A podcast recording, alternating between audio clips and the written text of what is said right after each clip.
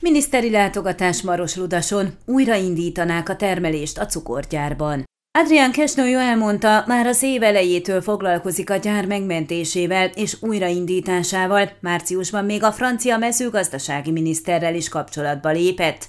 Az újságíróknak arról is beszámolt, hogy a termesztőkkel többször beszélt videokonferencián, és most személyesen is felkereste őket, hogy elindítson egy tárgyalási folyamatot.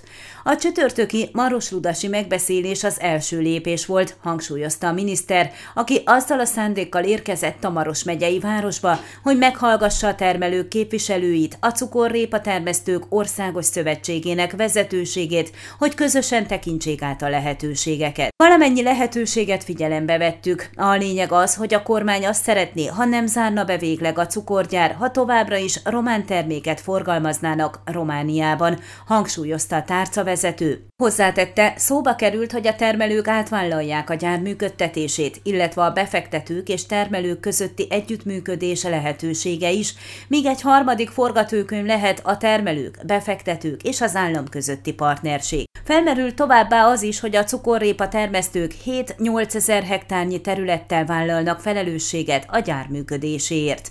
Amennyiben a feleknek sikerül megegyezniük, a technológia korszerűsítésére kormánytámogatásra lesz szükség, hangzott el a megbeszélés összegzésén.